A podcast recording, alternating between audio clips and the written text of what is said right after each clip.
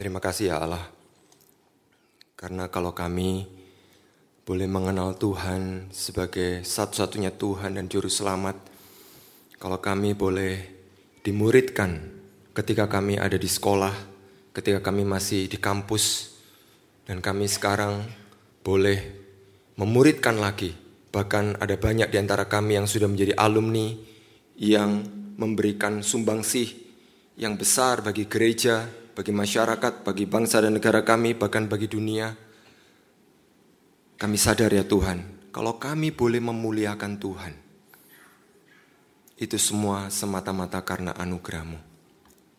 Itu bukan karena kami lebih hebat, kami lebih baik dari orang lain.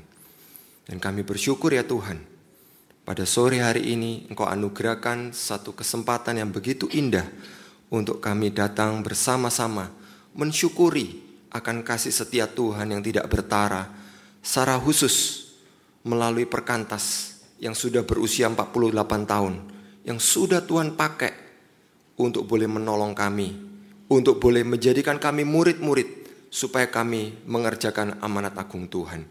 Dan kiranya kami boleh terus setia mengerjakan visi yang Tuhan sudah tanamkan kepada kami sejak kami siswa dan ketika kami di mahasiswa bahkan ketika kami sudah meninggalkan kampus. Biarlah kami boleh setia mengerjakan visi itu sampai kami ketemu dengan Engkau muka dengan muka, ya Tuhan. Supaya hidup kami yang sangat singkat, hidup kami yang sangat sementara ini boleh mendatangkan kemuliaan yang sebesar-besarnya bagi nama Tuhan. Dan kiranya kalau Tuhan masih berkenan memakai perkantas, biarlah kami boleh terus bergandengan tangan, mendukung pelayanan ini, mengerjakan apa yang menjadi tugas dan tanggung jawab kami, supaya akhirnya generasi yang memuliakan Tuhan itu dari generasi ke generasi tidak akan satu pun ada generasi yang terputus yang akan menjadi generasi yang mendatangkan pujian, hormat, dan kemuliaan bagi nama Tuhan. Terima kasih ya Bapak. Dan saat ini kami akan belajar dari firman-Mu, kiranya roh kudusmu boleh menolong kami untuk boleh memahami dan menjadi pelaku-pelaku firman supaya hidup kami ini benar-benar mendatangkan puji hormat kemuliaan bagi nama Tuhan saja. Dalam nama Tuhan Yesus, amin. Ya, shalom abang kakak dan teman-teman sekalian. Mari kita membaca firman Tuhan dari kisah Rasul pasal 9 ya, kita akan baca kisah Rasul 9 26 sampai 27, lalu pasal 11 ayat 11 ayat 19 sampai 26, lalu pasal 15 ayat 35 sampai 41. Kita akan baca bergantian. Saya akan baca terlebih dulu, lalu eh, abang kakak dan teman-teman semua mengikuti ya. Kita baca bergantian. Setibanya di Yerusalem, Saulus mencoba menggabungkan diri kepada murid-murid tetapi semuanya takut kepadanya karena mereka tidak dapat percaya bahwa ia juga seorang murid.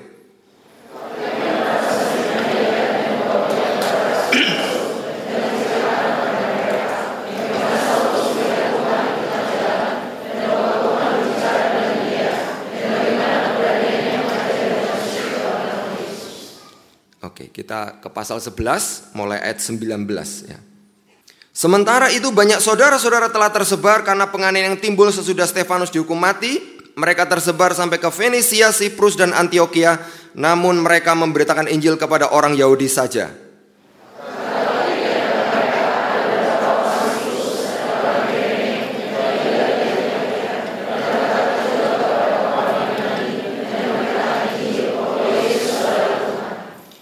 Dan tangan Tuhan menyertai mereka dan sejumlah besar orang menjadi percaya dan berbalik kepada Tuhan.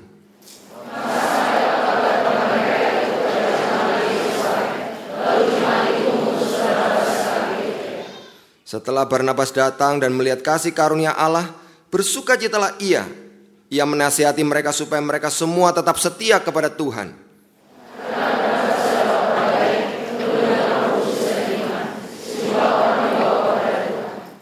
Lalu pergilah Barnabas ke Tarsus untuk mencari Saulus dan setelah bertemu dengan dia ia membawanya ke Antioquia.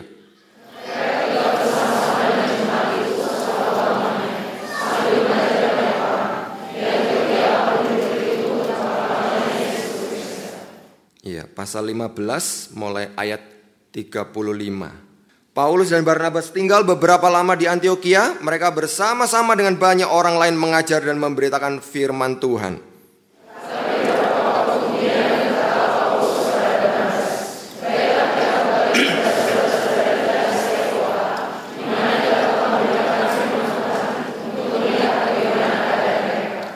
Barnabas ingin membawa juga Yohanes yang disebut Markus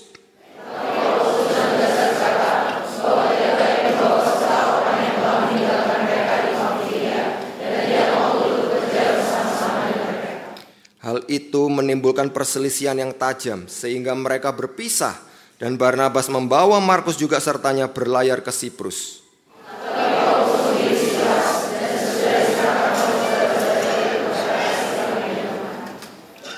Berangkatlah ia mengelilingi Syria dan Kilikia sambil meneguhkan jemaat-jemaat di situ. Ya.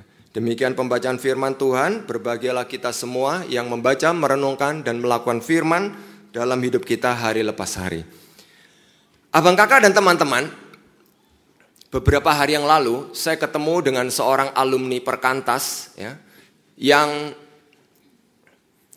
cukup tua ya, eh, maaf ya mungkin cukup senior begitu ya, eh, karena saya sih nggak tanya usianya berapa, tapi saya menduga uh, mungkin usianya kira-kira sudah 60-an lah mungkin, kira-kira begitu, more or less gitu ya.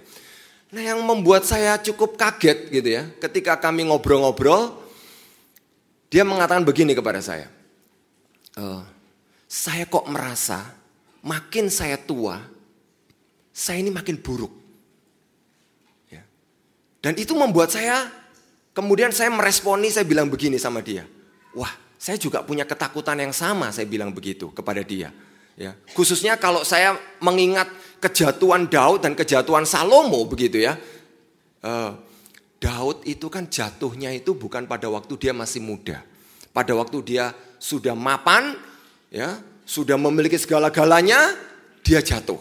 Ya. Salomo juga seperti itu. Ya, Salomo jatuh bukan ketika dia masih muda, karena dia ketika dia masih muda dia sangat berhikmat. Ya, ketika Tuhan tanya, kamu mau dikasih apa? Ya, aku mau kasih sesuatu sama kamu. Lalu apa? Salomo tidak minta nyawa musuhnya, tidak minta harta, tidak minta umur yang panjang. Firman Tuhan katakan dia minta hikmat. Dan karena Tuhan melihat permintaannya begitu baik sebagai raja yang begitu masih muda, dia dikasih bukan cuma hikmat tetapi segala-galanya dikasih sama Tuhan. Ya. Nah, tetapi apa? Firman Tuhan mengatakan di masa dia makin senior atau makin tua, dia jatuh ke dalam dosa. Ya. Jadi kita lihat ya, kalau orang itu ulang tahun, ya. Perkantas ini ulang tahun dan perkantas itu kita. Jadi yang ulang tahun ini adalah kita. Ya, coba kasih selamat dulu ulang tahun sama kanan kirinya sebelum kita lanjutkan ya. Selamat ulang tahun ya. Selamat ulang tahun. Bener-bener kasih salam yang yang yang yang semangat, yang hangat. Selamatin bener-bener ya, selamatin bener-bener karena perkantas itu adalah kita ya. Jadi yang ulang tahun itu kita semua ya. Nah, tetapi oke. Okay. Satu sisi perayaan ulang tahun itu menyenangkan, membahagiakan. Tapi pertanyaannya, perkantas sudah tidak mudah. Ya, saya tahu di sini rata-rata masih sangat muda, tapi saya mau kasih tahu, kalau perkantas adalah kita, berarti kita semua sudah tidak muda. You have to realize this fact. Ya, karena perkantas itu kita. Ya, entah usiamu masih 25, 35, aku bilang sama kalian usiamu sudah 48. Ya. Tetapi yang usianya 60, 70, ya, Bahkan 70 lebih seperti Pak Parapak, saya nggak tahu beliau ada di sini enggak, harus bersyukur usianya jadi 48. Iya kan? Ya. Tetapi poin saya adalah ketika usia kita terus bertambah dan usia 48 itu bukan usia yang muda lagi. Ya. Pertanyaannya, kita jadi tambah baik atau jadi memburuk? Ya. Nah, kita patut bersyukur. Ya, kalau kita misalnya ditanya, apakah perkantas tambah baik? Oh jelas, Baiknya tahu dari mana? Tadi sudah ada di video ya. Saya cuma menyimpulkan aja. Kita bersyukur, kita makin meluas, kita makin meluas. Ya, luasnya perkantas dilihat dari apa? Ya, dilihat dari jumlah kota yang dilayani. Ya, paling tidak kita bisa lihat ada 27 provinsi yang ada perkantas di sana, ada staff di sana, ada ruper di sana, ada pengurus di sana. Ya, Itu ada 27 provinsi. Lalu itu 11 BPP dan 16 BPC. Lalu ada 27 BPR, itu di tingkat 2 begitu ya.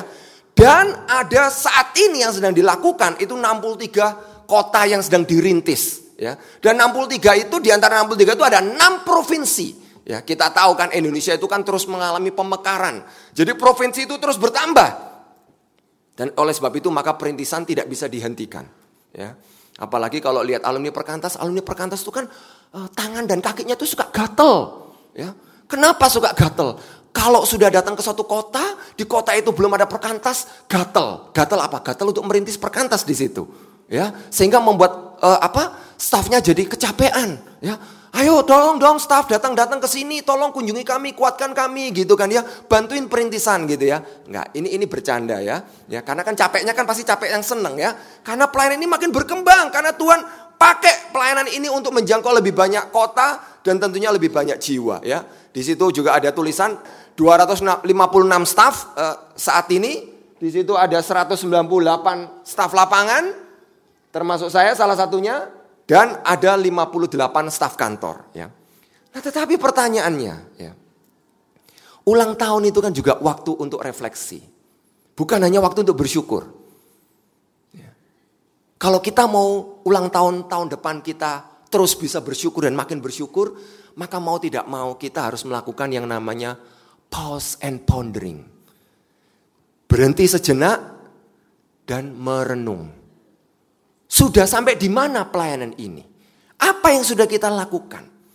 Apakah ketika perkantas itu makin meluas, maka visi perkantas itu makin dalam dihidupi oleh siswa, mahasiswa, dan alumni? Ataukah ketika perkantas makin luas, maka pemuritan kita makin dangkal? Maka spiritualitas kita makin dangkal maka komitmen kita makin dangkal. Ya. Kakak abang dan teman-teman sekalian, untuk membuktikan hal ini gitu ya, untuk melakukan, uh, sorry ya, bukan untuk membuktikan lah, untuk melakukan refleksi gitu ya, secara cepat ya. Saya mau tanya, boleh angkat tangan abang kakak yang alumni, yang alumni yang betul-betul sudah jadi alumni. Kalau yang masih hampir jadi alumni nggak usah angkat tangan dulu ya. Yang sudah betul-betul alumni, Oke, oh, wah ini hampir semuanya alumni yang datang ya. Waduh berarti khotbah saya ini nanti keliru ini nanti ini. Karena khotbah saya tidak terlalu ditujukan untuk alumni, ya ditujukan juga sih ya. Oke, boleh turun ya. Sekarang yang mahasiswa, boleh angkat tangan. Yang masih merasa diri mahasiswa, pokoknya belum lulus lah ya. Skripsi oh, mungkin belum selesai gitu ya. Oh enggak terlalu banyak ya mahasiswa. Ya oh lumayan juga lah ya. Yang sebelah sini enggak terlalu kelihatan saya karena ada pilar-pilar ini gitu ya. Oke, turunkan. Nah, sekarang siswa. Saya mau lihat yang siswa. Yang benar-benar masih siswa. Ya uh, ya tahun ini pasti ada yang lulus ya, tapi oke lah masih siswa yang baru lulus. Ada yang siswa ya? Oh, di sebelah sana ada sedikit, di sebelah sana ada sedikit. Oke ya. Di luar ada banyak ya. Di luar ada banyak sekali siswa dan mahasiswa. Ya. Alumni juga banyak sekali di luar ya. Haleluya. Nah, sekarang saya mau tanya. Ya, sekarang saya mau tanya. Khususnya bagi yang siswa mahasiswa, alumni juga boleh menjawab kalau tahu jawabannya apa. Khususnya untuk kampusnya ya. Pertanyaannya itu gini, bagaimana kondisi kelompok kecil atau KTB atau pemuritan di sekolah, di fakultas, di kampus kita masing-masing. Kalau kita tahu ya, jadi kalau alumni nggak tahu nggak usah dijawab ya, nggak usah sok-sok tahu gitu ya. Yang dalam kurun waktu kira-kira 1 sampai 4 tahun pelayanan kelompok kecil, pemuritan KTB di sekolahnya, di fakultasnya, di kampusnya mengalami kemajuan. Dalam waktu kira-kira 1 sampai 4 tahun mengalami kemajuan. Boleh angkat tangan? Kampusnya, sekolahnya, fakultasnya yang tahu. Kalau nggak tahu nggak usah jawab, ya. Yang tahu, yang mengalami kemajuan. Boleh angkat tangan? Puji Tuhan, ada yang angkat tangan. Eh, to, to, to, tolong, tolong, karena saya terbatas ya mata saya kan cuma dua gitu ya. Uh, uh, di sini enggak. Jadi tolong jangan jangan turunkan dulu. Angkat tangan lagi. Eh, angkat tangan. Oke. Okay. Saya mau lihat, saya mau lihat. Sini ada nggak sebelah sini? Oh ada ya. Uh, angkat tangan dong. Ada ya. Oke, okay, puji Tuhan. Tepuk tangan, puji Tuhan dulu, puji Tuhan ya. Ini puji Tuhan, eh, tepuk tangannya untuk puji Tuhan ya, bukan untuk memuji mereka-mereka yang angkat tangan ya. Oke, sekarang silakan angkat tangan yang pemuritan atau kelompok kecil KTB di sekolah, di fakultasnya, di kampusnya dalam kurun waktu kira-kira 1 sampai 4 tahun mengalami stagnan. Stagnan maksudnya adalah kurang lebih sama. Ngerti maksud saya kurang lebih sama ya? Jadi mungkin turun ya turun sedikit, naik ya naik sedikit, ya kurang lebih sama lah. Gitu ya, turun naik turun naik ya, kira-kira ya hampir seperti stagnan begitulah ya. Oke, boleh angkat tangan? Yang sekolah, kampus, fakultasnya kira-kira mengalami stagnan? Uh, kurang lebih sama? Oke, ada ya, ada ya. Ada, oke, oke. Oke, oke ada ya. Oke. Tepuk tangan juga buat mereka ya. Eh sorry salah, bukan buat mereka ya. Buat Tuhan ya. Eh tapi Tuhan kok ditepuk tangan ketika stagnan ya? Apa kurang ajar nggak ya itu ya? Nah, ya kan kan apa pun yang terjadi kita harus memuji Tuhan. Benar nggak ya kan ya? Tapi kalau itu kita ada kontribusi membuat kelompok kecil di kampus kita, sekolah kita, fakultas kita stagnan, ya itu kita harus bertobat ya. Memuji Tuhan dalam pertobatan gitu ya. Oke, yang terakhir. Yang dalam 1 sampai 4 tahun, kelompok kecil di fakultasnya, di kampusnya, di sekolahnya, 1 sampai 4 tahun terakhir mengalami declining, penurunan, kemerosotan, makin susah cari AKK, PKK, Ya, PKK makin sedikit misalnya begitu. Dan seterusnya, pokoknya begitu ya. Boleh angkat tangan? Yang mengalami penurunan, kemerosotan. Oke, angkat tangan? Oke, oke. Boleh uh, puji Tuhan, puji Tuhan dulu. Nah, selebihnya kok nggak angkat tangan ya? Kenapa? Nggak tahu ya. Coba, boleh nggak saya dikasih tahu? Kenapa? Ini ini hampir semuanya nggak angkat tangan loh ini tadi. Dengan tiga pertanyaan ini berarti apa? Nggak tahu. Nggak tahu ya. Nggak tahu atau nggak mau tahu? Nggak tahu ya. Oke, ya sudahlah ya. Mau gimana lagi namanya orang nggak tahu ya. Nah, oke. Mari kita sekarang masuk ke dalam pembahasan ini. Boleh next ya. Jadi pada sore hari ini saya ingin kita sama-sama belajar dari satu tokoh yang bernama Barnabas. Ya. Bagaimana orang yang bernama Barnabas ini menghasilkan generasi yang memuliakan Allah. Ya. Bagaimana caranya begitu ya. Nah jadi Barnabas itu siapa? Barnabas itu sebetulnya adalah nama julukan yang diberikan oleh para rasul. Nama aslinya itu adalah Yusuf dan dia adalah orang Lewi yang berasal dari Siprus. Ya, dia orang Lewi yang berasal dari Siprus. Lalu pertanyaannya, kenapa para rasul sampai memberikan nama julukan anak penghiburan? Ya, next ya. Apa buktinya bahwa Barnabas itu betul-betul adalah anak penghiburan? Ya. Nah, bukti yang pertama, ya, saya akan memberikan tiga bukti gitu ya dari kitab suci. Bukti yang pertama itu ada di dalam yang tadi kita baca di dalam pasal 9 yaitu apa? Satu-satunya orang yang disebutkan di dalam Alkitab, khususnya dalam kisah Rasul, yang menerima dan kemudian membawa Saulus. Ketika Saulus pertama kali bertobat, perhatikan itu kisah Rasul yang masih dalam kisah Rasul pasal 9. Dan kita tahu Saulus itu bertobatnya di kisah Rasul pasal 9. Ya.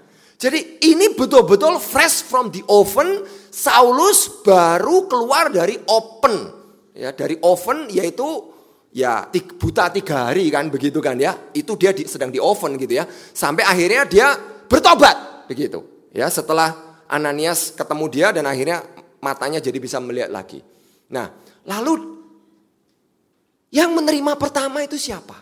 Barnabas ya. Dan Barnabas inilah yang kemudian membawa Saulus kepada para rasul ya dan menceritakan bagaimana dia bertobat dan bagaimana dia berani mengajar di dalam nama Tuhan Yesus ya Abang kakak dan teman-teman, tahu nggak kita bahwa apa yang dilakukan Barnabas itu adalah sesuatu yang betul-betul high risk. Ya. Kenapa nih kita bisa melihat itu sebagai high risk? Karena apa? Ya. Coba kalau kita lihat, kenapa orang-orang yang lain pada tidak mau terima? Ya. Kenapa mereka pada tidak mau percaya? Ya, karena semua orang sudah tahu siapa Barnabas, eh, siapa Saulus sang penganiaya jemaat itu. Ya. Dan dialah yang juga pada waktu itu apa? menjadi saksi dari apa? pelemparan batu si Stefanus. Ya. Jadi sangat beresiko. Kenapa beresiko? Bisa jadi ini kan satu tipuan. Saulus pura-pura bertobat untuk apa? Untuk mengumpulkan informasi dari dalam, ya, supaya bisa membuat list nama. Untuk apa? Kalau sudah tahu, ketahuan list namanya siapa aja pemimpin-pemimpin gerakan ini, supaya apa? Semuanya bisa ditangkap dan kemudian dimasukin penjara. Kan begitu. Ya. Jadi ini resikonya itu sangat-sangat besar sekali. Ya. Dan kalau nggak hati-hati, sebetulnya yang dilakukan oleh Barnabas ini, ini betul-betul bisa menjadi satu tindakan bunuh diri. Ini bisa menjadi suatu tindakan bunuh diri. Ini bisa menjadi suatu tindakan yang akan menghancurkan jemaat mula-mula pada waktu itu.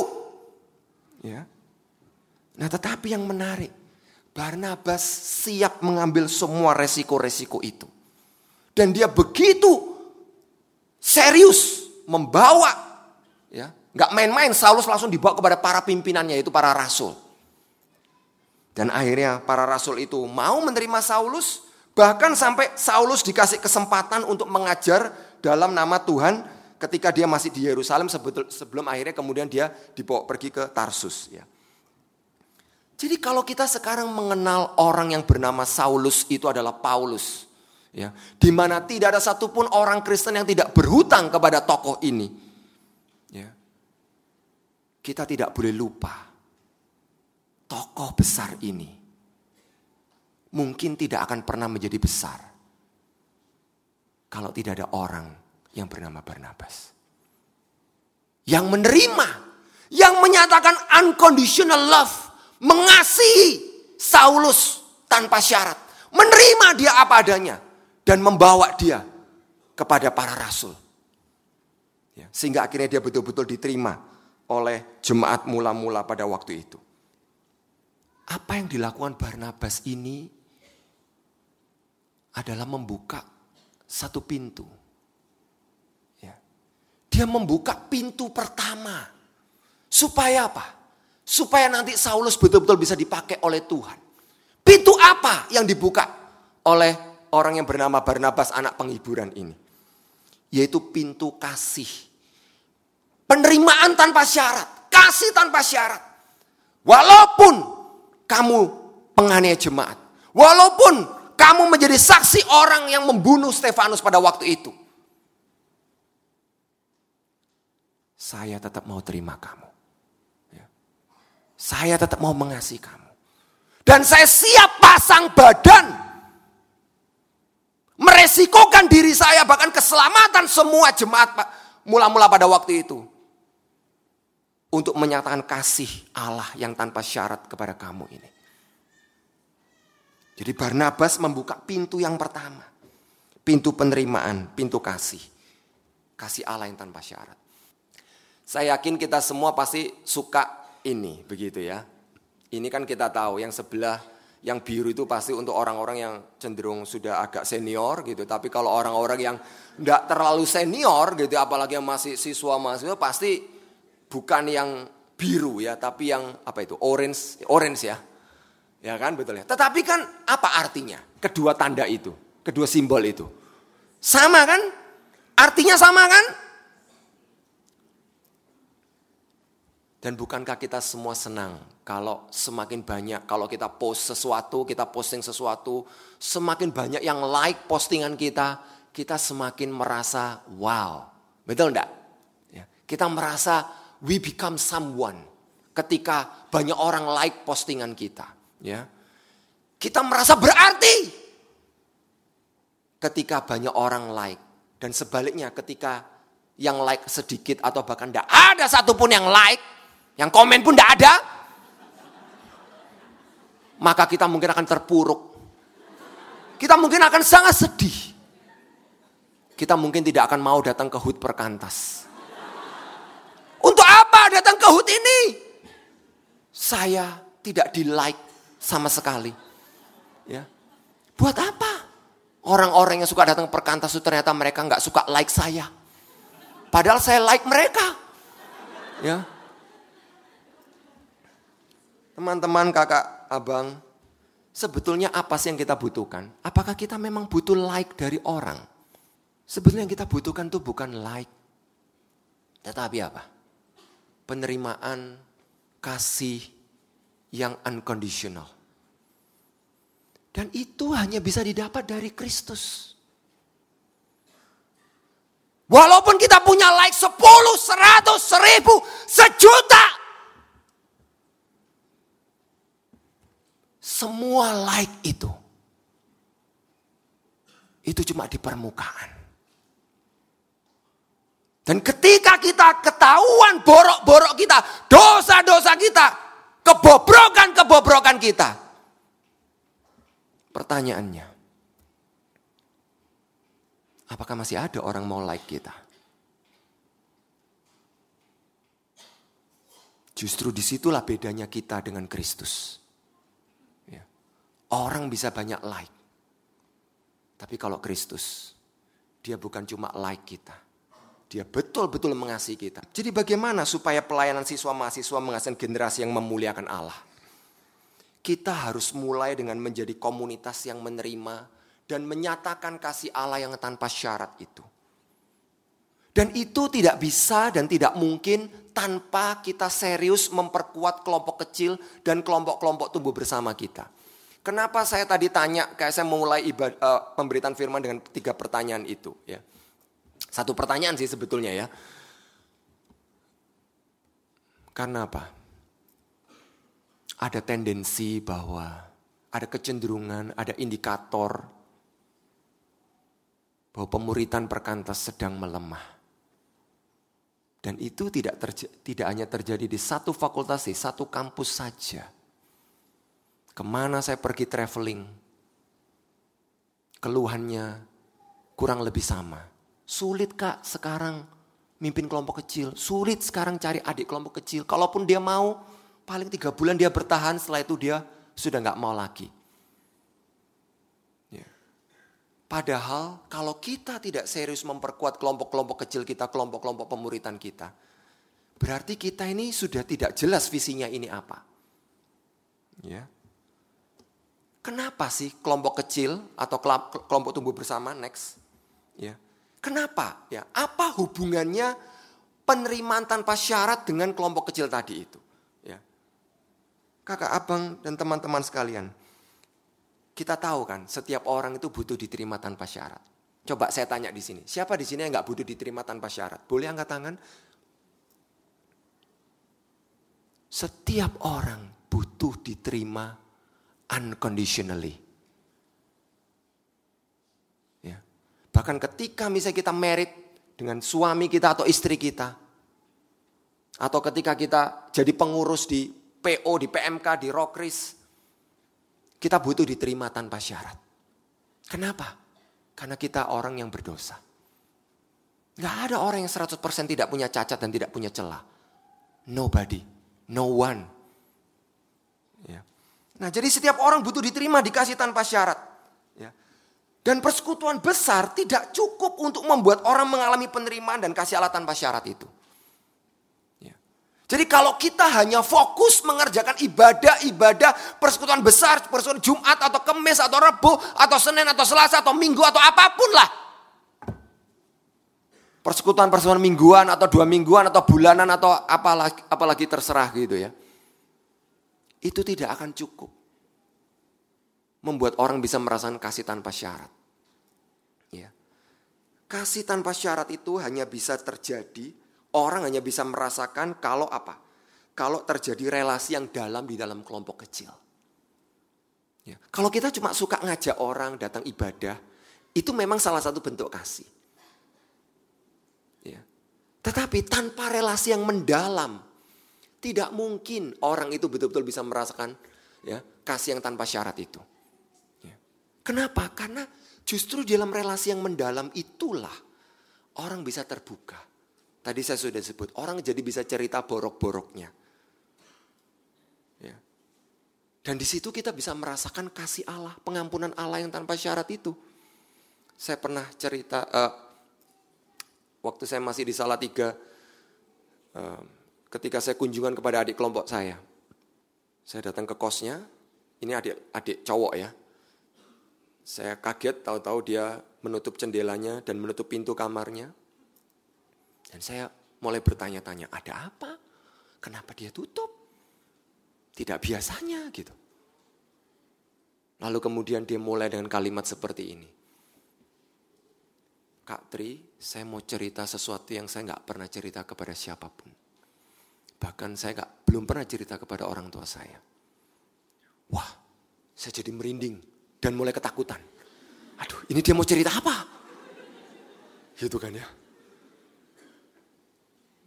Dan ternyata dia cerita apa? Ternyata dia punya orientasi seksual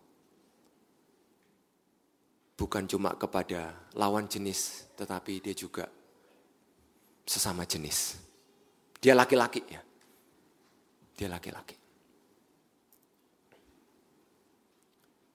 Dan saat itu saya betul-betul shock, saya betul-betul kaget. Karena itu pengalaman pertama. Saya mendengar. Dan itu tahun 90-an, sebelum tahun 2000. Pada waktu itu kan masa-masa uh, pembicaraan tentang LGBT, LGBTQ itu kan belum seperti sekarang tetapi ternyata sudah ada. Ya. Saya bersyukur karena tiga hari sebelum saya ketemu dengan adik itu, saya membaca buku Philip Yancey yang berjudul What's So Amazing About Grace. Keajaiban kasih karunia. Dan di buku itu Philip Yancey cerita ada seorang pastor, seorang pendeta di US yang apa? Yang mendeklar dirinya adalah seorang homoseks.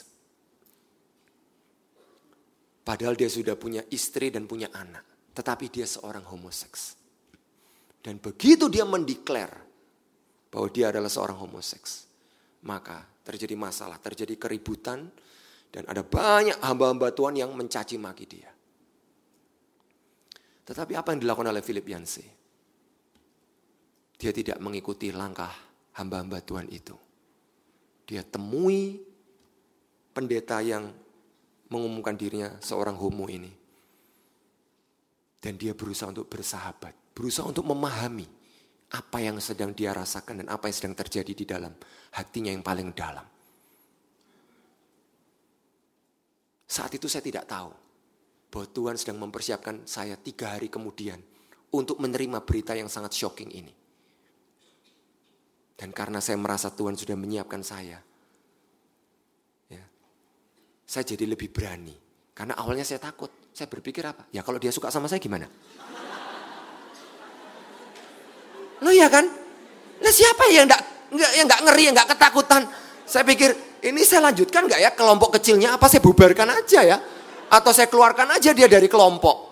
Ya, daripada daripada gimana? Daripada saya enggak tenang mimpin kelompok dilirik-lirik, dilihat-lihat. Iya kan? dengan lirikan-lirikan yang atau cara melihat yang tidak sewajarnya gitu kan? Gimana orang nggak terganggu gitu kan ya? Kalau cewek melirik saya masih mending pada waktu itu saya masih single gitu kan ya. Loh iya kan? Kan saya normal gitu kan ya. Lah kalau yang melirik homo lah gimana? Ya. Tapi apa? Kenapa dia bisa akhirnya terus ikut kelompok? Karena relasi kami sudah dalam, sehingga dia bisa terbuka. Dan ketika dia terbuka, saat itulah saya bisa menyatakan kasih Allah yang tanpa syarat itu. Dan saya terus berkelompok dengan dia. Dan puji Tuhan, akhirnya dia menikah baik-baik, maksudnya itu dengan perempuan ya, bukan dengan laki-laki. Dan mereka sudah dikaruniai satu anak, dan anaknya sudah lumayan besar sekarang. Puji Tuhan. Akhirnya dia dalam tanda kutip bisa jadi normal. Walaupun walaupun apa? Dia tidak pernah selesaikan S1-nya. Dia sebenarnya pintar karena IP-nya di atas tiga, tapi karena dia merasa sangat terpuruk dengan masalah ini, dia akhirnya tidak pernah selesaikan skripsinya. Dan kami, saya dan teman-temannya terus berusaha untuk menguatkan dia tetapi dia tetap tidak. Akhirnya dia tetap tidak mau menyelesaikan skripsinya. Tapi puji Tuhan, dia sekarang terlibat pelayanan di suatu gereja dan ya bersama-sama dengan keluarganya. Jadi abang kakak dan teman-teman, kalau kita cuma memikirkan mengajak orang Dan kita berpikir kalau kita ngajak orang ke ibadah seperti ini, ngajak orang ke persekutuan kita sudah menyatakan kasih. Belum. Kasih tanpa syarat itu paling bisa dirasakan ketika relasi itu mendalam. Dan untuk menciptakan relasi yang mendalam itu sangat-sangat tidak mudah karena butuh effort yang bisa sangat melelahkan. Ya. Di dalam buku yang berjudul Perjuangan untuk sebuah generasi, ya, penulisnya mengatakan begini, anak muda masa kini itu tidak bertanya apa yang harus kulakukan supaya saya selamat. Enggak, mereka rata-rata enggak tanya begitu. Tetapi mereka bertanya apa? Apa yang harus saya lakukan supaya saya dikasihi? Supaya saya diterima sebagaimana adanya saya. Di dalam segala kebobrokan saya. Dengan segala kerusakan saya. Di mana saya betul-betul menemukan kasih yang unconditional itu? Di mana? Dan penulis buku ini mengatakan apa? Orang-orang yang paling dahulu mengasihi mereka, menerima mereka sebagaimana mereka adanya. Orang-orang inilah yang akan memiliki mereka. Bagaimana rokris kita? Bagaimana PO dan PMK kita? Kalau ada orang yang mengalami masalah dengan orientasi seksualnya, atau mungkin dia seorang ateis. Dia datang ke persekutuan. Apakah kita bisa menerima? Kalau dia seorang pengedar narkoba, apa kita merasa happy? Kalau dia seorang homo, apa kita merasa happy? Atau kita merasa jijik? Atau kita merasa terganggu? Apa enggak keadaan teman-teman? Berteman menjadi a friend of sinner itu satu hal yang sangat-sangat tidak mudah. Jauh lebih mudah menjadi a friend of someone who is very good, very nice to us. Tapi menjadi a friend of sinner. Sangat-sangat tidak mudah. Karena kita sudah bisa, kita, karena kita sudah jijik duluan Coba kalau kita naik busway, kita naik, uh, sorry, naik Transjakarta ya, bukan naik busway ya. Uh, naik Transjakarta atau naik komuter lain gitu ya. Dan ketemu orang yang bodinya laki-laki, tetapi ya kayak gitulah ya, ngerti maksud saya. Kira-kira kita nyapa dia, kita mau shake hand sama dia, atau kita sudah jijik duluan? Ya. Kalau bukan kita yang menerima mereka, di mana mereka akan menemukan kasih tanpa syarat itu? Menerima dan mengasihi tanpa syarat memang sangat tidak mudah, bahkan sangat beresiko. Kenapa? Karena siswa dan mahasiswa yang hendak kita layani belum tentu menghargai dan menerima. Kita sudah mengasihi, kita sudah berkorban. Kita sudah kunjungan, kita sudah WA, ayo dek kelompok kecil, ayo dek PA. Sampai kita mungkin sudah keluar uang, kita sudah traktir. Ya, kita sering traktir di 7-Eleven sampai akhirnya 7-Elevennya tutup pun kita tetap traktir dia di 7-Eleven. Gak apa-apa dek, 7-Eleven tutup kita bisa traktir di depannya kok. Kan di depannya itu ada warung kaki lima, kaki enam atau kaki tujuh atau kaki seribu mungkin. Bahkan mungkin mereka menyia-nyiakan tawaran kasih kita. Ya. Tetapi bukankah Kristus juga seperti itu? Apa yang kita lakukan, visi para pendiri kita itu sebenarnya itu sangat-sangat berisiko. Kita menawarkan kasih, Saking kita mengasihi, orang bisa jadi menolak kita. Menyanyiakan kasih kita. Tetapi apakah berarti kita boleh putus asa untuk mengasihi? Coba bayangkan kalau Tuhan Yesus putus asa mengasihi. Ketika dia sudah di kayu salib, ya ketika sudah di kayu salib, kemudian tiba-tiba ada orang dengan kurang ajar, dengan seenaknya ngomong, Hei kamu yang bilang mau merobohkan bait suci dan mem, apa, membangun kembali dalam tiga hari, sekarang kamu turun dari salib. Coba kalau Tuhan Yesus bilang begini, kurang ajar bajingan, ya, kamu nggak tahu ya, aku di sini itu ya, aku menderita, aku sengsara begini itu untuk keselamatan kamu. Kamu nggak tahu ya, kurang ajar. Aku turun sekarang. Kira-kira kalau Tuhan Yesus turun bisa nggak? Lu bisa. Lu dia itu Tuhan, dia setara kok dengan Bapa.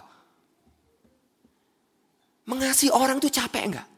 Kalau kita cuma mengasihi dengan kasih like, sangat gampang. Cuma tinggal klik, tinggal tekan, te, apa tekan tombolnya, sudah like.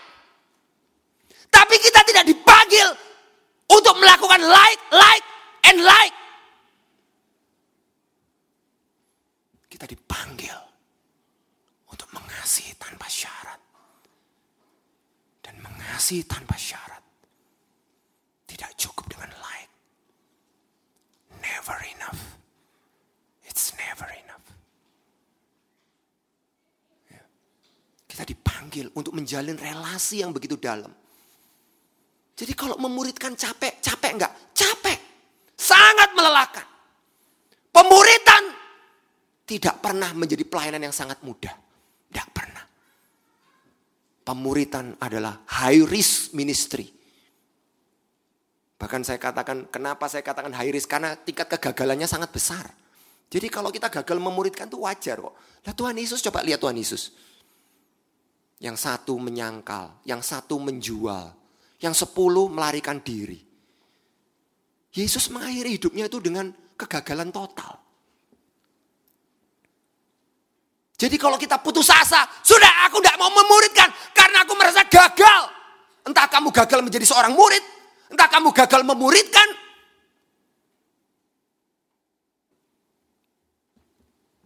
Melalui momen hut ini. Saya mau katakan bertobatlah.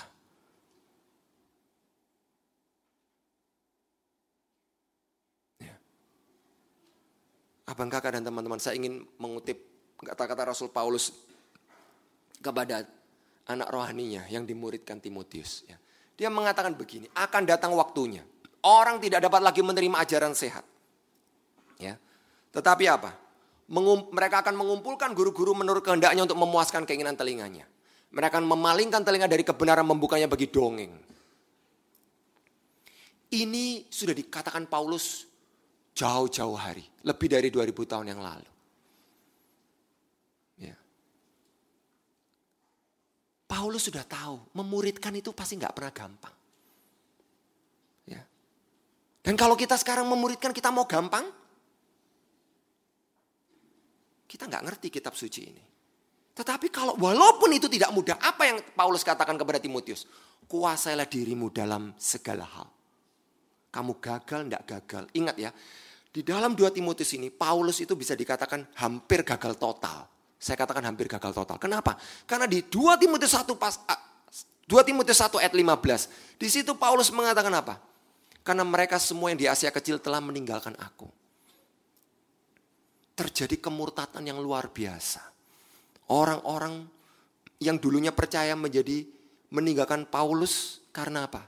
Mungkin karena mereka takut mengalami penganiayaan, mengalami kesulitan, mengalami penjara karena Paulus pada waktu itu sedang ada di dalam penjara. Jadi Paulus juga gagal. Tetapi Paulus mengatakan apa? Kuasai dirimu dalam segala. Sabarlah menderita. Melayani siswa mahasiswa. Kalau kita mau mengasihkan generasi untuk bisa memuliakan Allah. Kalau kita tidak mau menderita. Kalau kita tidak belajar menguasai diri kita dalam segala hal. Maka saran saya, Tahun depan kita nggak usah ada hut lagi. Omong kosong. Hut ini cuma menjadi omong kosong. Capek-capekin aja. Buang-buang uang. Kalau kita tidak belajar menguasai diri dalam segala hal. Dan kalau kita tidak belajar sabar di dalam penderitaan kita. Untuk terus mengasihi.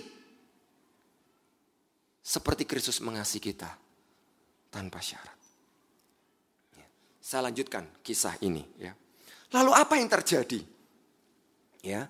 Jadi setelah Barnabas menerima Saulus ya. Jadi kan terus kemudian kan terjadi jemaat e, non Kristen e, non Yahudi pertama di Antioquia. Kan Barnabas diutus oleh jemaat Yerusalem pergi ke Antioquia untuk ngecek bener nggak ini pertobatan orang-orang non Yahudi ini. Karena Antioquia itu menjadi jemaat non Yahudi pertama ya yang ada di luar Yerusalem. Lalu kemudian Barnabas datang melihat kasih karunia Allah dan bersuka cita. Lalu sejumlah orang dibawa kepada Tuhan. Artinya apa? Semakin banyak orang non Yahudi yang menjadi percaya. setelah Barnabas datang. Jadi Barnabas datang tidak dengan kecurigaan, tidak memikirkan sunat. Karena pada waktu itu kan masalah sunat itu masih menjadi sangat masalah gitu ya. Maksudnya orang non Yahudi harusnya disunat, tapi bagi Barnabas enggak begitu kan ya. Nah, lalu apa yang terjadi? Ya, jadi justru ketika Barnabas datang, semakin banyak lagi orang-orang yang percaya kepada Tuhan, yaitu orang-orang non Yahudi itu. Yang terjadi apa? Yang menarik adalah Barnabas kemudian pergi ke Tarsus untuk menjemput Saulus. Ya. Dan apa yang terjadi setelah Barnabas pergi ke Tarsus menjemput Saulus? Nah, Saulus kemudian dibawa dibawa ke Antioquia.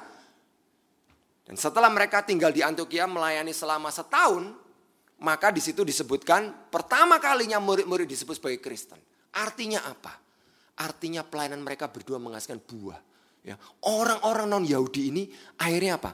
Betul-betul percaya kepada Tuhan Yesus, betul-betul mentuhankan Kristus, sehingga akhirnya apa? Hidup mereka betul-betul berbeda dari orang-orang yang lain. Kalau sebelumnya mereka menyembah berhala, sekarang mereka menyembah Yesus.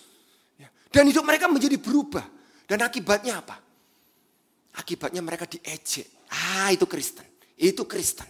Orang-orang yang tergila-gila dengan Yesus itu. Tetapi itu yang terjadi. Ya. Nah, dan kemudian apa? Barnabas itu membuka pintu yang kedua untuk Saulus. Ya, pintu apa yang dibuka? Kalau tadi yang pertama itu pintu penerimaan, pintu kasih tanpa syarat. Sekarang pintu yang kedua itu adalah pintu bahwa dia dipercaya untuk mengerjakan pelayanan. Dia dilibatkan dalam pelayanan. Bahkan apa? Dia ditolong diizinkan untuk menjadi pemimpin, bahkan pemimpin yang lebih besar daripada Barnabas. Sampai Barnabas sendiri itu mau untuk dipimpin oleh orang yang bernama Saulus ini. Next. Jadi kalau dalam kisah Rasul ini kan kita lihat ya, kisah Rasul ini ini adalah perjalanan misi pertama Barnabas dan Saulus. Perhatikan nama Saulus belum berubah jadi Paulus. Ya. Kisah Rasul pasal 13 itu, lalu kemudian mereka dikatakan berlayar ke Siprus, Terus dia adalah kawan gubernur Sergius. Perhatikan ya, nama Barnabas masih disebut yang pertama, Barnabas dan Saulus. Ayat 7 masih disebut uh, gubernur itu memanggil Barnabas dan Saulus. Barnabas di, ditulis yang pertama, artinya dia menjadi pemimpin dari tim misi itu. Ya. Tetapi yang menarik, ayat 13 itu adalah ayat yang menjadi turning point. Karena di situlah nama Saulus berhenti dipakai oleh Lukas diganti menjadi Paulus. Dan yang menarik coba perhatikan ya. Yang ditulis lalu Paulus dan kawan-kawannya. Mana Barnabasnya? Ya. Dan kenapa Paulus yang sekarang ditulis lebih dulu? Itu artinya apa? Di ayat 13 inilah terjadi pergantian kepemimpinan. Ya. Dan di dalam e, ketika terjadi pergantian kepemimpinan, ya pada waktu itu kan salah satu timnya itu adalah Yohanes Markus yang pergi bersama-sama mereka ke Menakan Barnabas. Pada saat itulah Yohanes Markus meninggalkan mereka lalu kembali ke Yerusalem. Ya. Abang kakak dan teman-teman, apa yang kita bisa pelajari dari bagian ini? True leaders don't create followers. They create more leaders. Ya. Barnabas ketika dia memuridkan Saulus, ketika dia menolong Saulus, dia punya satu visi yang jelas. Aku mau menghasilkan pemimpin. Aku mau menjadikan orang ini leader. Dan aku tidak akan puas kalau dia cuma jadi orang pengikut, jadi pengikutku saja. Cuma iya-iya dengan perintahku. Ya. Jadi Barnabas ini adalah true leaders. Karena dia tidak meng-create followers. Dia meng-create pemimpin-pemimpin. Bukankah Perkantas juga harusnya seperti itu. Ya. Tapi pertanyaannya bagaimana dengan kita? Abang kakak dan teman-teman, kalau kita cuma senangnya mengadakan ibadah mingguan atau ibadah besar seperti Natal, Paskah, dan yang lain-lain. Saya khawatir kita lebih senang menghasilkan follower and not leader. Kalau kita tidak fokus mengerjakan pemuritan relasional di dalam kelompok-kelompok kecil kita, dalam KTB-KTB kita. Kalau kita biarkan itu melemah, kalau kita tidak serius menjadi murid dan kita tidak serius memuridkan, Omong kosong kita bisa menghasilkan generasi yang memuliakan Tuhan. Itu cuma impian di siang bolong. Sulit akan muncul pemimpin-pemimpin. Kita memang akan mungkin rame. Tapi rame dengan crowd. Crowd maksudnya itu kerumunan orang. Para pengekor, para follower, orang-orang yang gampang dipengaruhi. Dan orang-orang yang gampang disesatkan.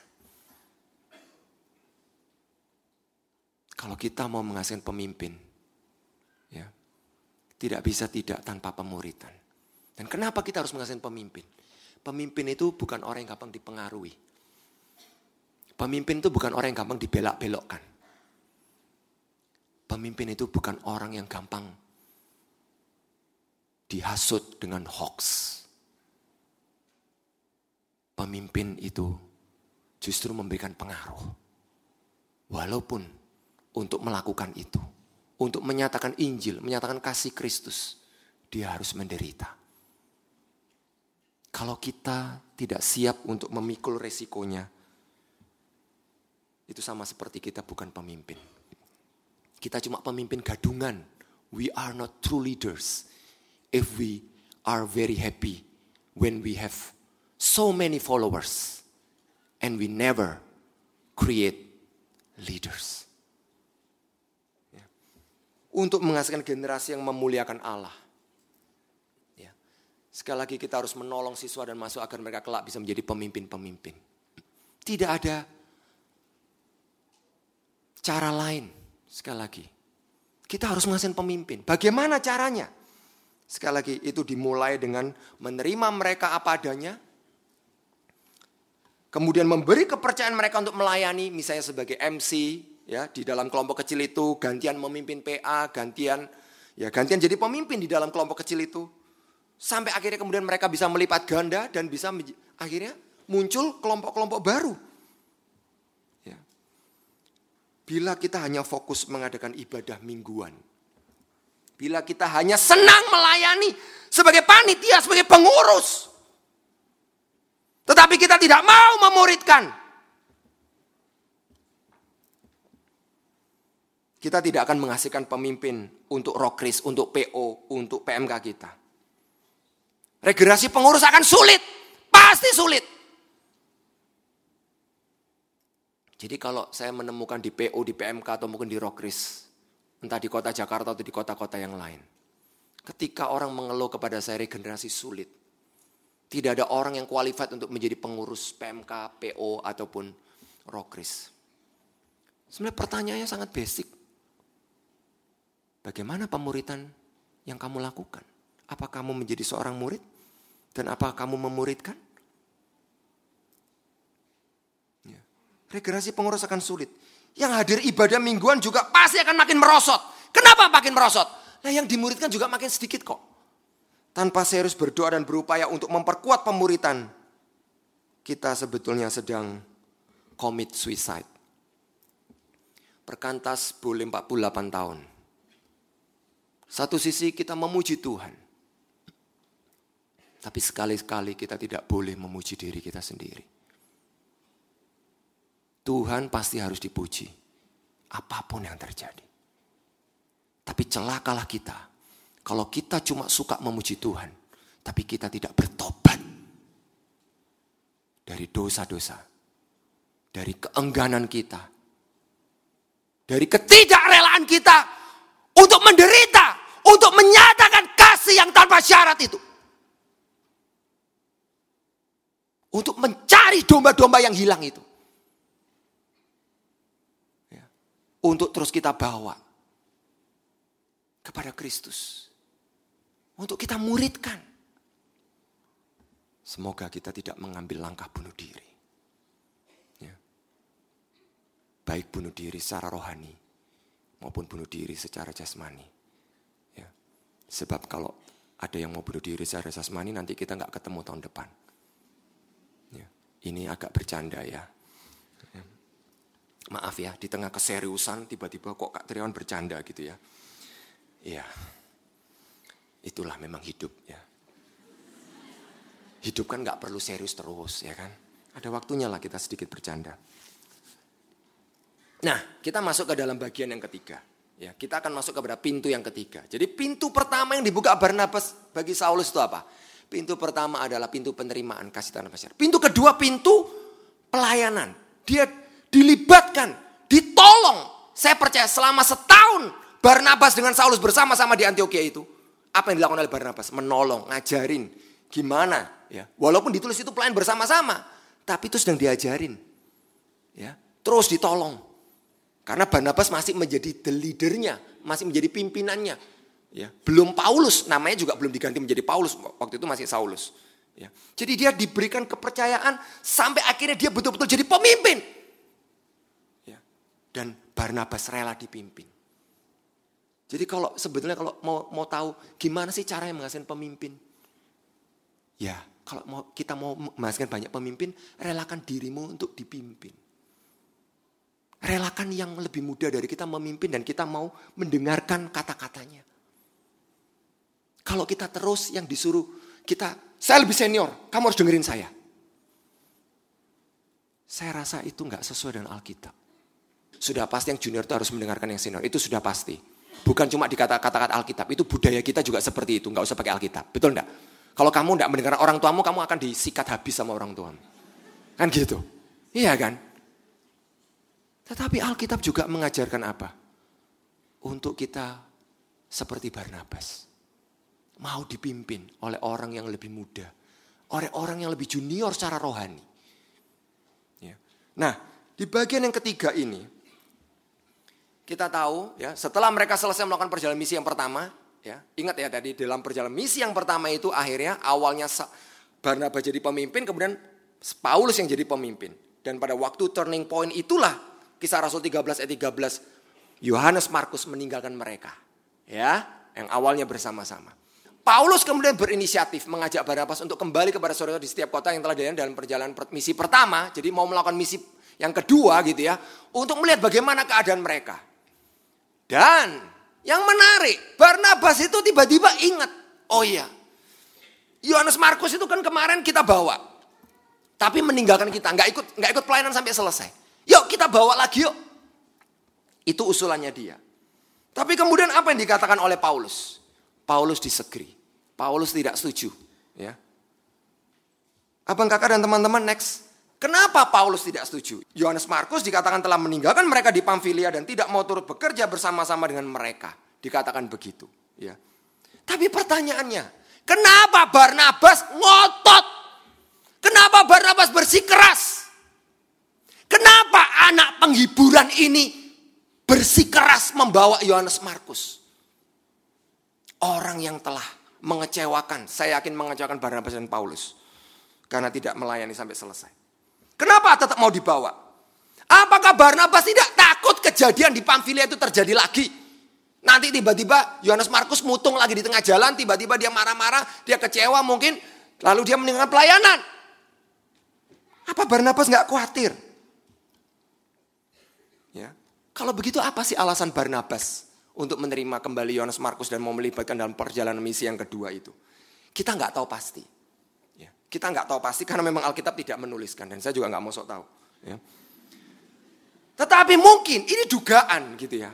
Nampaknya Barnabas tuh mau menyatakan kasih Allah yang tanpa syarat itu dengan memberikan the second chance. Memberikan kesempatan yang kedua kepada Yohanes Markus ini. Dan singkat cerita, kita tahu di dalam kisah Rasul pasal 15 tadi kita baca, terjadi perselisihan antara Barnabas dengan Paulus sangat tajam. Kata Yunani yang dipakai itu parosism. Parosism itu artinya itu a violent, hostile, angry, harsh, sharp, bitter disagreement. Jadi ini bukan bukan satu uh, perbedaan yang baik-baik saja, yang yang yang uh, ya yang baik-baik aja gitu. Karena di sini sampai dikatakan istilah aslinya tadi itu ya violent, hostile, angry. Jadi mungkin saya tidak tahu.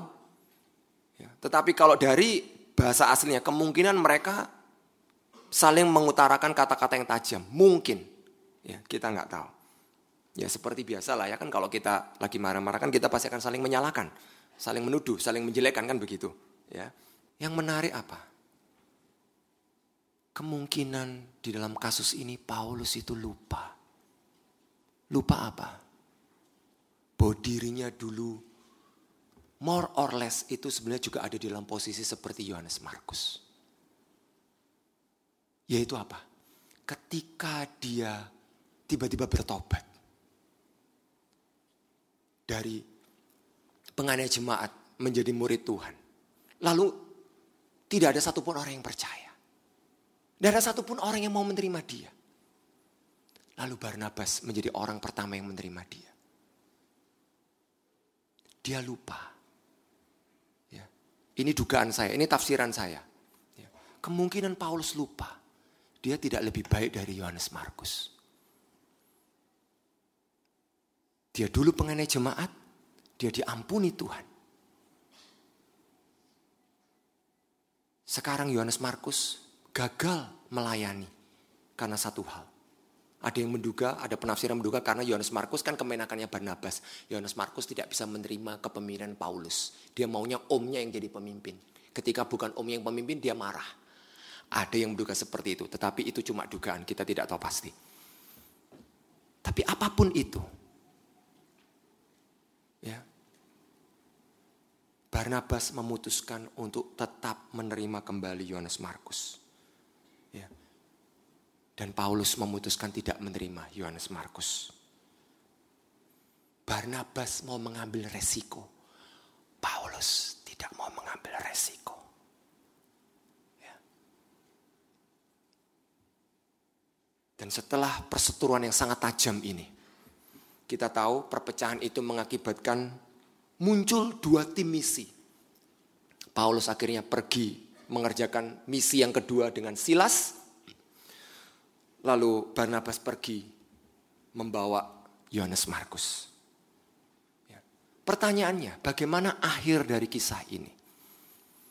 Kita tahu ya, kalau kita membaca dari 2 Timotius, saya ajak kita membaca 2 Timotius 4 ayat 11 ya.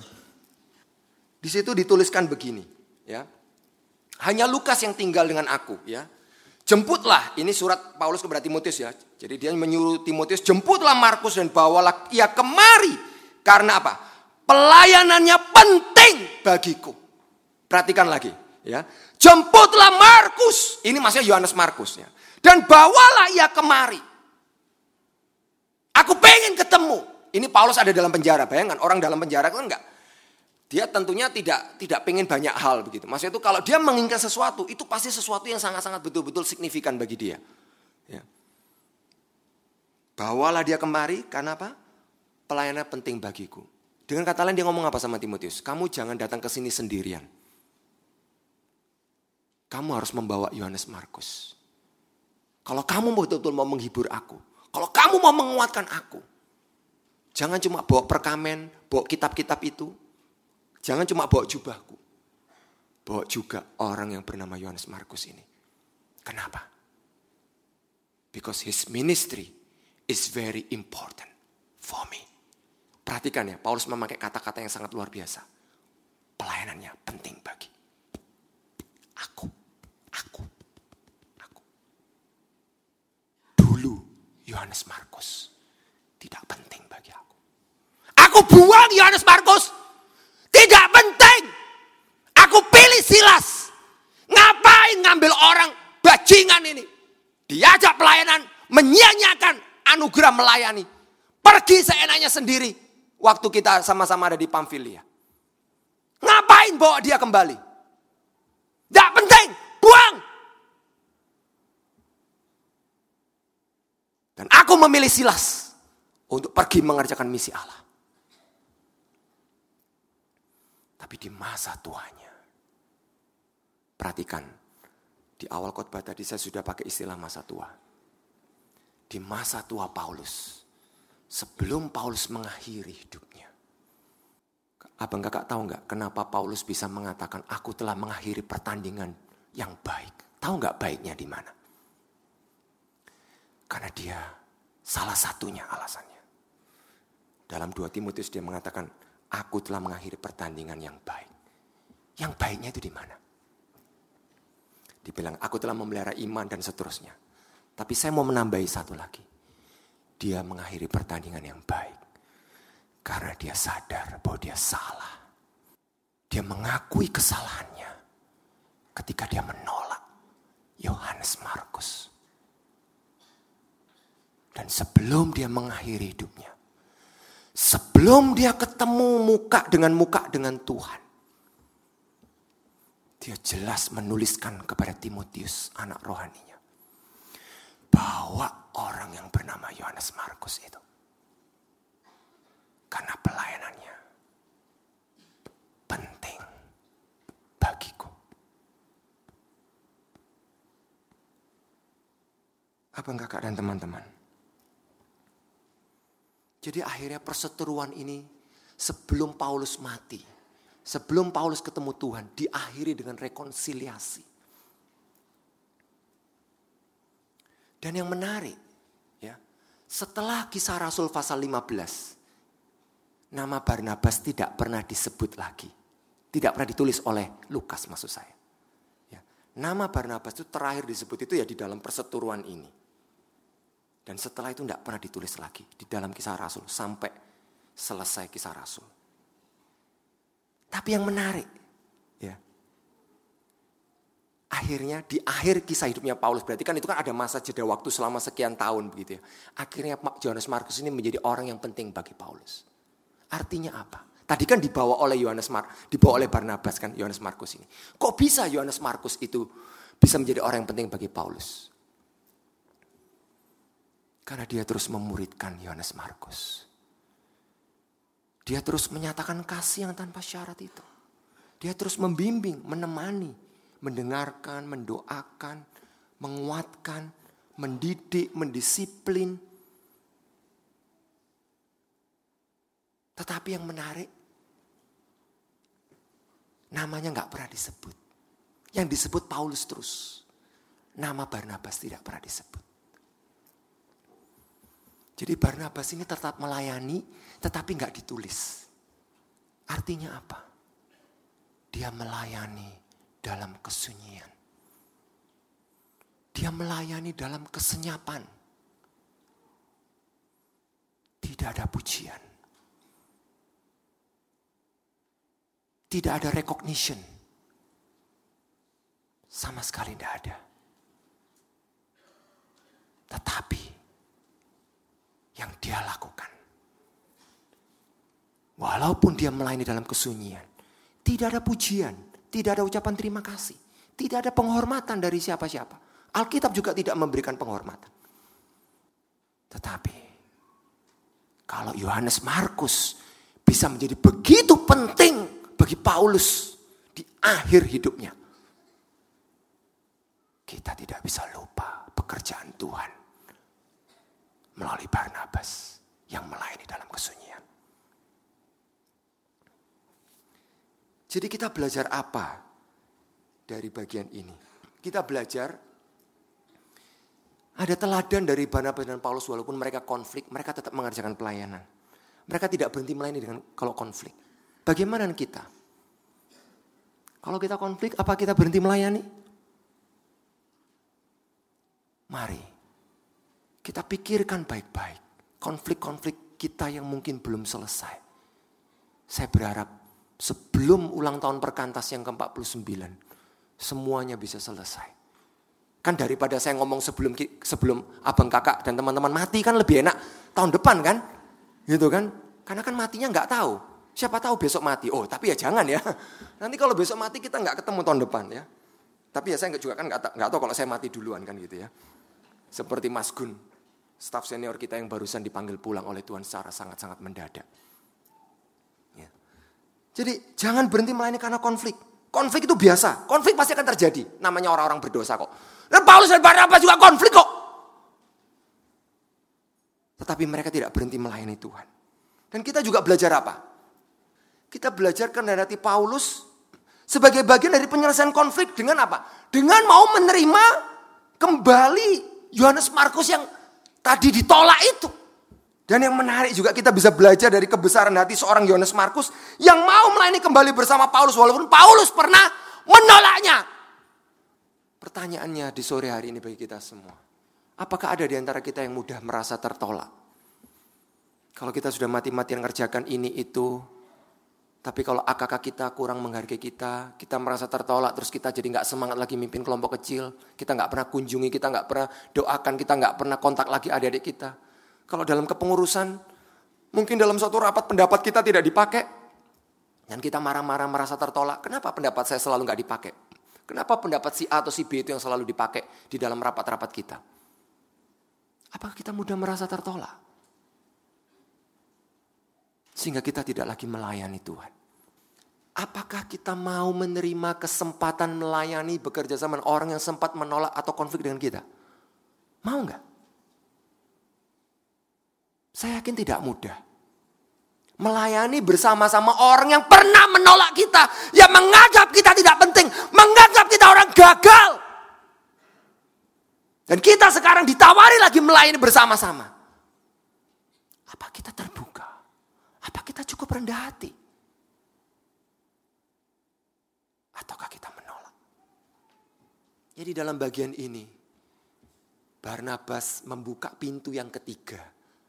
Dan yang menarik, dia membuka pintu yang ketiga ini bukan dengan cara dalam tanda kutip yang baik-baik. Karena dua pintu yang tadi itu kan dibuka dengan cara baik-baik kan. Dengan cara yang sangat luar biasa. Manis, indah, penuh kasih dan sayang. Tetapi pintu yang ketiga yang Barnabas buka bagi orang yang bernama Paulus ini. Ini dibuka dengan konflik. Ya. Tetapi dari sini Paulus jadi belajar apa?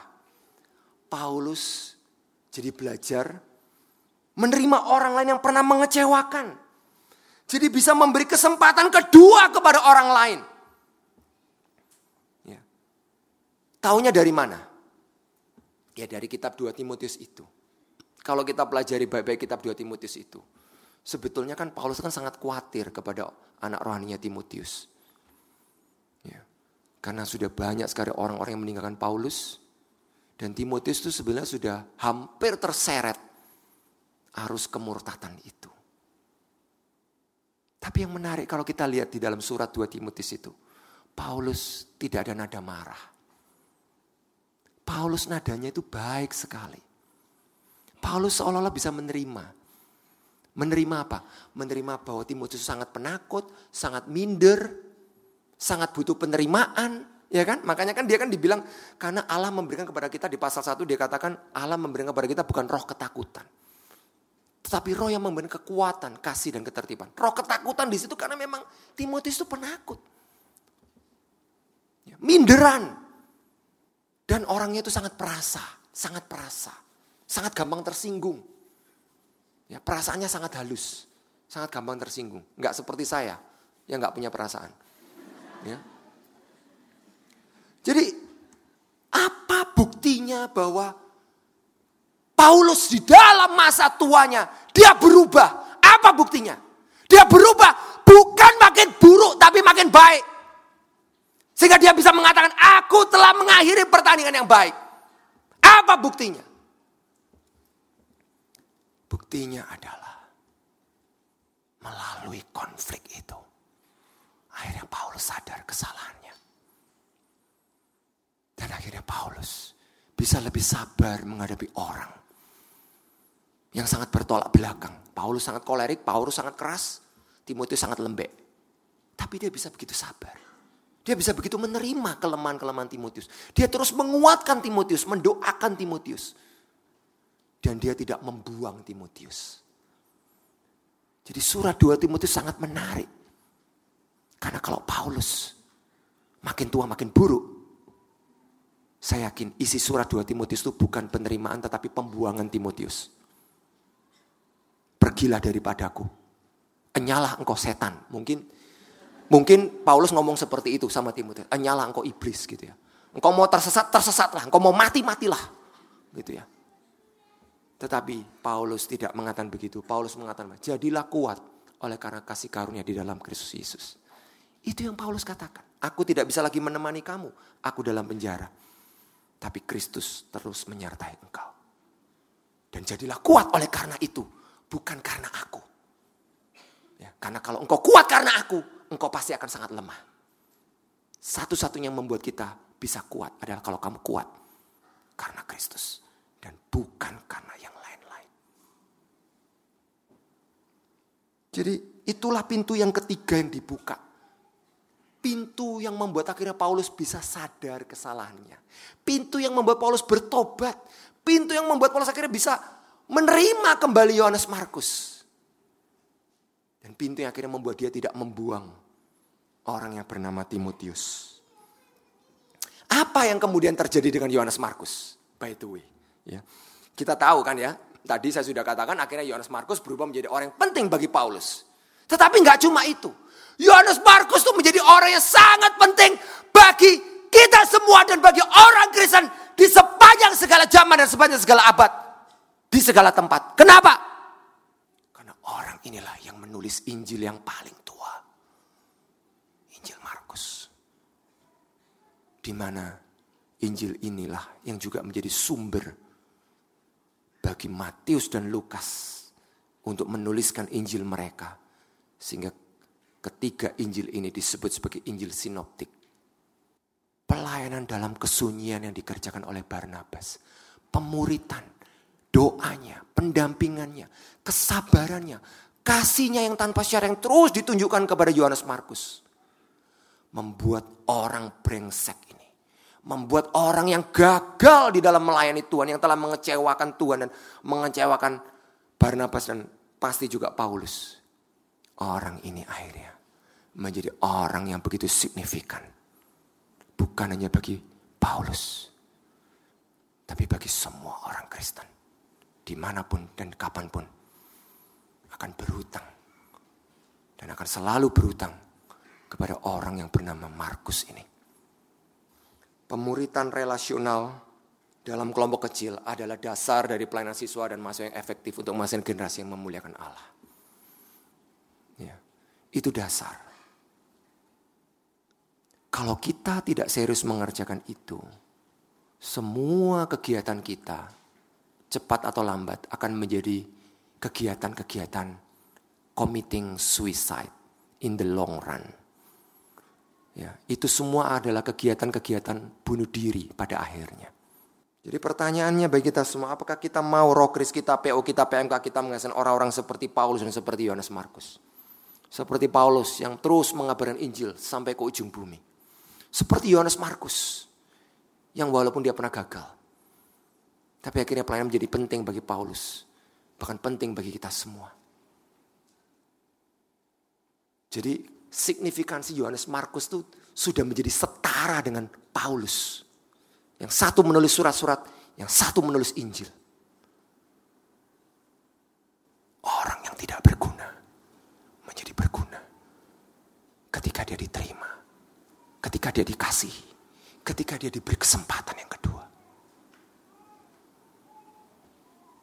Dan ketika ada orang-orang yang mau melayani dalam kesunyian. Ya, tanpa pujian, tanpa penghormatan. Bukankah kita sering kali lupa di balik Yohanes Markus dan Paulus ada orang yang bernama Barnabas. Bukankah Barnabas biasanya bukan tokoh favorit kita? Tapi tanpa Barnabas, kalau Tuhan tidak menghadirkan Tuhan tidak menghadirkan orang seperti Barnabas yang rela bekerja di dalam kesunyian, dalam kesenyapan. Ya. Maka kita akan mengalami kerugian yang sangat luar biasa. Sebelum saya menutup pemberitaan firman ini, mari kita perkuat pemuritan relasional. Ya. Mari kita perkuat pemuritan relasional kita. Mari kita menyatakan kasih dan penerimaan Allah yang tanpa syarat kepada siapa pun. Mereka yang mungkin merasa dirinya ateis, LGBTQ, non-Kristen, orang-orang gagal. Orang-orang yang merasa tidak rohani. Ya, karena orang-orang yang tidak suka datang PO, tidak suka datang PMK, tidak suka datang uh, apa? Rokris. Belum tentu kan. Mereka tidak akan menjadi orang signifikan kalau kita mau memperjuangkan hidup mereka. Kalau kita mau mencari mereka, domba-domba yang hilang itu. Kalau kita mau mendoakan mereka. Kalau kita terus mau melayani dalam kesunyian dan tidak di panggung-panggung sebagai panitia, sebagai MC, sebagai pembicara seperti saya. Kita butuh lebih banyak orang yang rela melayani dalam kesunyian. Dalam kesenyapan. Mari fokus menghasilkan pemimpin-pemimpin masa depan. Dan bukan cuma pengikut-pengikut Jangan pernah puas. Kalau rokris kita, PMK kita, PU kita banyak yang datang, jangan puas. Kalau mereka cuma semua cuma jadi pengikut dan pengekor. Dan mari kita siap mengambil resiko dengan memberikan kesempatan kedua atau mungkin memberikan kesempatan ketiga dan seterusnya. Dan mari kita terus melayani, terus menjadi murid-murid Tuhan dan terus menjadi murid yang memuridkan. Walaupun tidak ada penghargaan apa pun dari siapa pun. Dan sebagai penutup, mari kita serius mengerjakan ini bukan hanya untuk siswa dan mahasiswa. Panggilan untuk serius mengerjakan ini juga bagi para alumni, bagi para staf, para pengurus, para pendoa, para donatur dalam kapasitas kita masing-masing. Karena pemuritan itu untuk semua orang. Ya. Kalau ada abang kakak yang membaca bukunya Dallas Willard yang berjudul The Great Omission. Ya, The Great Commission sekarang sudah menjadi The Great Omission. Ya. Pertanyaannya, apakah Rokris juga menjadi The Great Omission itu? Amanat agung bukannya menjadi amanat agung tetapi menjadi pengabaian agung. Kita omit, kita abaikan. Karena kita tidak mau memikul salib, tidak mau menyangkal diri. Kita tidak mau belajar terus membangun relasi dan menyatakan kasih yang tanpa syarat. Ya. Saya nggak tahu di sini ada Bu Yudi atau enggak ya, tapi saya pikir salah satu alumni yang saya salut, walaupun beliau sudah nenek gitu ya. Saya yakin beliau sangat senang kalau saya panggil nenek karena memang punya cucu ya. Kalau yang saya panggil nenek belum punya cucu kan itu namanya penghinaan ya. Tapi karena beliau sudah punya cucu, jadi pasti dia sangat bangga menjadi nenek. Tetapi apa? Walaupun nenek, ini sudah nenek loh. Apakah seorang nenek bisa menjadi generasi yang memuliakan Allah? Ya, saya salut karena dia waktu beberapa bulan lalu waktu acara perkantas expo di mana ya STT Jakarta ya kalau saya nggak salah. Dia ngomong, yuk Tri kita kumpulkan yuk alumni-alumni, khususnya dosen-dosen di berbagai kampus di Ukrida, di Trisakti, di Tarumanegara, di mana pokoknya kita kumpulkan alumni-alumni jadi dosen. Yuk kita panggil alumni-alumni itu, khususnya yang jadi dosen. Ataupun yang gak jadi dosen juga. Menjadi gerakan back to campus. Yuk kita memimpin kelompok kecil lagi. Yuk kita dampingi PO lagi. Dampingi PMK. Saya pikir wow. Saya pikir saya malu. Karena saya belum jadi kakek. Ini nenek mikirannya kayak gitu. Mau back to campus. Karena kadang kita pikir ini orang tua nggak tahu diri kali ya back to campus gimana sih? Tapi saya pikir apa? Generasi yang bisa memuliakan Tuhan bukan cuma generasi orang-orang muda. Bahkan generasi tua pun. Sampai kita mati. Kita dipanggil untuk menjadi dan menghasilkan generasi yang memuliakan Tuhan. Pertanyaannya, apa kita mau taat dan setia untuk mengerjakan panggilan ini? Mari kita berdoa. Saya minta dengan kasih, Bang Niko boleh tutup dalam doa. Kami bersyukur ya Tuhan untuk kebenaran firman Tuhan. Kedalaman firman Tuhan yang dibawakan oleh hambamu. Yang sering kali mungkin terlewat dari pandangan kami ya Tuhan. Bagaimana Tuhan bekerja melalui orang-orang yang melayani di dalam kesenyapan yang terus menawarkan kasih ya Tuhan. Kasih yang tanpa syarat. Pelayanan yang menghasilkan para pemimpin. Bukan hanya di dalam sukacita, keramaian. Tapi kami terus ya Tuhan mempunyai satu kerinduan untuk menghasilkan para pemimpin. Bahkan rela untuk dipimpin. Kami juga bersyukur ya Tuhan untuk dibukakan. Bagaimana kasih yang nyata itu, kasih yang tanpa syarat itu ya Tuhan. Kami nyatakan melalui memberikan kesempatan ya Tuhan. Kesempatan kedua, kesempatan ketiga kepada orang-orang yang sering kali kami anggap gagal. Tidak mempunyai dampak di dalam pelayanan Kiranya ya Tuhan, bahkan kami orang-orang yang sering kali hanya bertugas, hanya melihat, mengkritik, terjadi kemerosotan sana sini. Tetapi kami tidak pernah memberi diri ya Tuhan untuk hadir bersama-sama dengan mereka. Untuk terus menyatakan kasih kepada orang-orang yang kami layani. Kiranya Tuhan kembali menolong kami. Untuk setia ya Tuhan membangun pemuri dan relasional. Di mana benar-benar ya Tuhan secara tulus kami menawarkan kasih ya Tuhan kepada siapa pun generasi orang-orang yang telah tu, yang Tuhan percayakan di dalam pelayanan kami. Orang-orang yang Tuhan percayakan bahkan berinteraksi dengan kami. Kiranya Tuhan memberikan kepekaan kepada kami. Itu benar-benar mempunyai hati yang tulus, kasih yang tanpa syarat. Untuk mempersembahkan murid-murid bagi Kristus. Kiranya Tuhan menolong kami. Terima kasih ya Tuhan untuk kebenaran firman-Mu.